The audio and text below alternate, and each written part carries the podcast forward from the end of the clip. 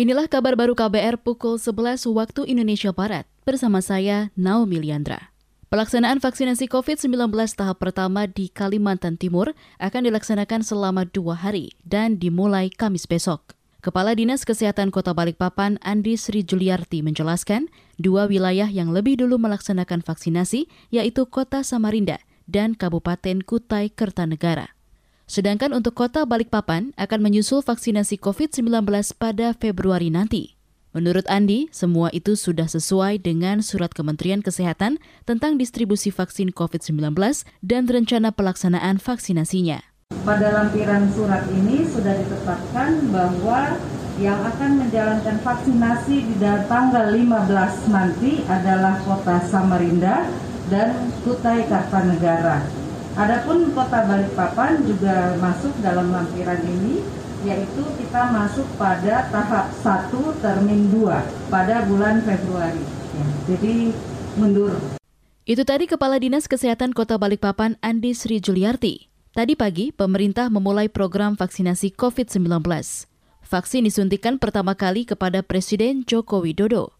Vaksin yang digunakan dalam penyuntikan perdana ini adalah vaksin buatan Sinovac asal Cina.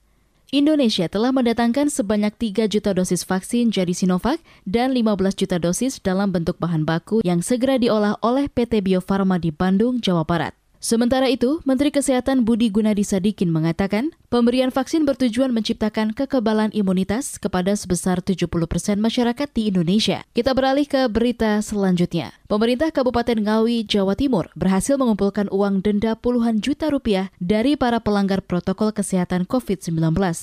Kepala Bidang Penegakan Peraturan Daerah Ngawi, Arif Setiono, merinci selama empat bulan pelaksanaan operasi justisi, denda terkumpul 4,5 juta rupiah. Sedangkan denda pelanggaran protokol kesehatan yang dikenakan di lokasi pintu keluar tol dan perbatasan wilayah mencapai 560 juta rupiah. Arif menjelaskan, seluruh uang denda itu masuk kas daerah Ngawi. Data rata-rata itu yang yang paling banyak yang paling banyak kena denda rapid ya memang denda administrasi rapid itu di exit tol. Sampai saat ini kita menjaring pelanggar sekitar 3.700 itu meliputi exit tol, Mantingan juga sini dan juga Karangjati. Jadi denda yang masuk ke kasda sekitar 564 juta. Kepala Bidang Penegakan Peraturan Daerah Ngawi Arif Setiono menambahkan, penyekatan wilayah dan operasi justisi terkait penegakan protokol kesehatan COVID-19 akan terus ditingkatkan. Apalagi Ngawi saat ini masuk zona merah penyebaran virus corona.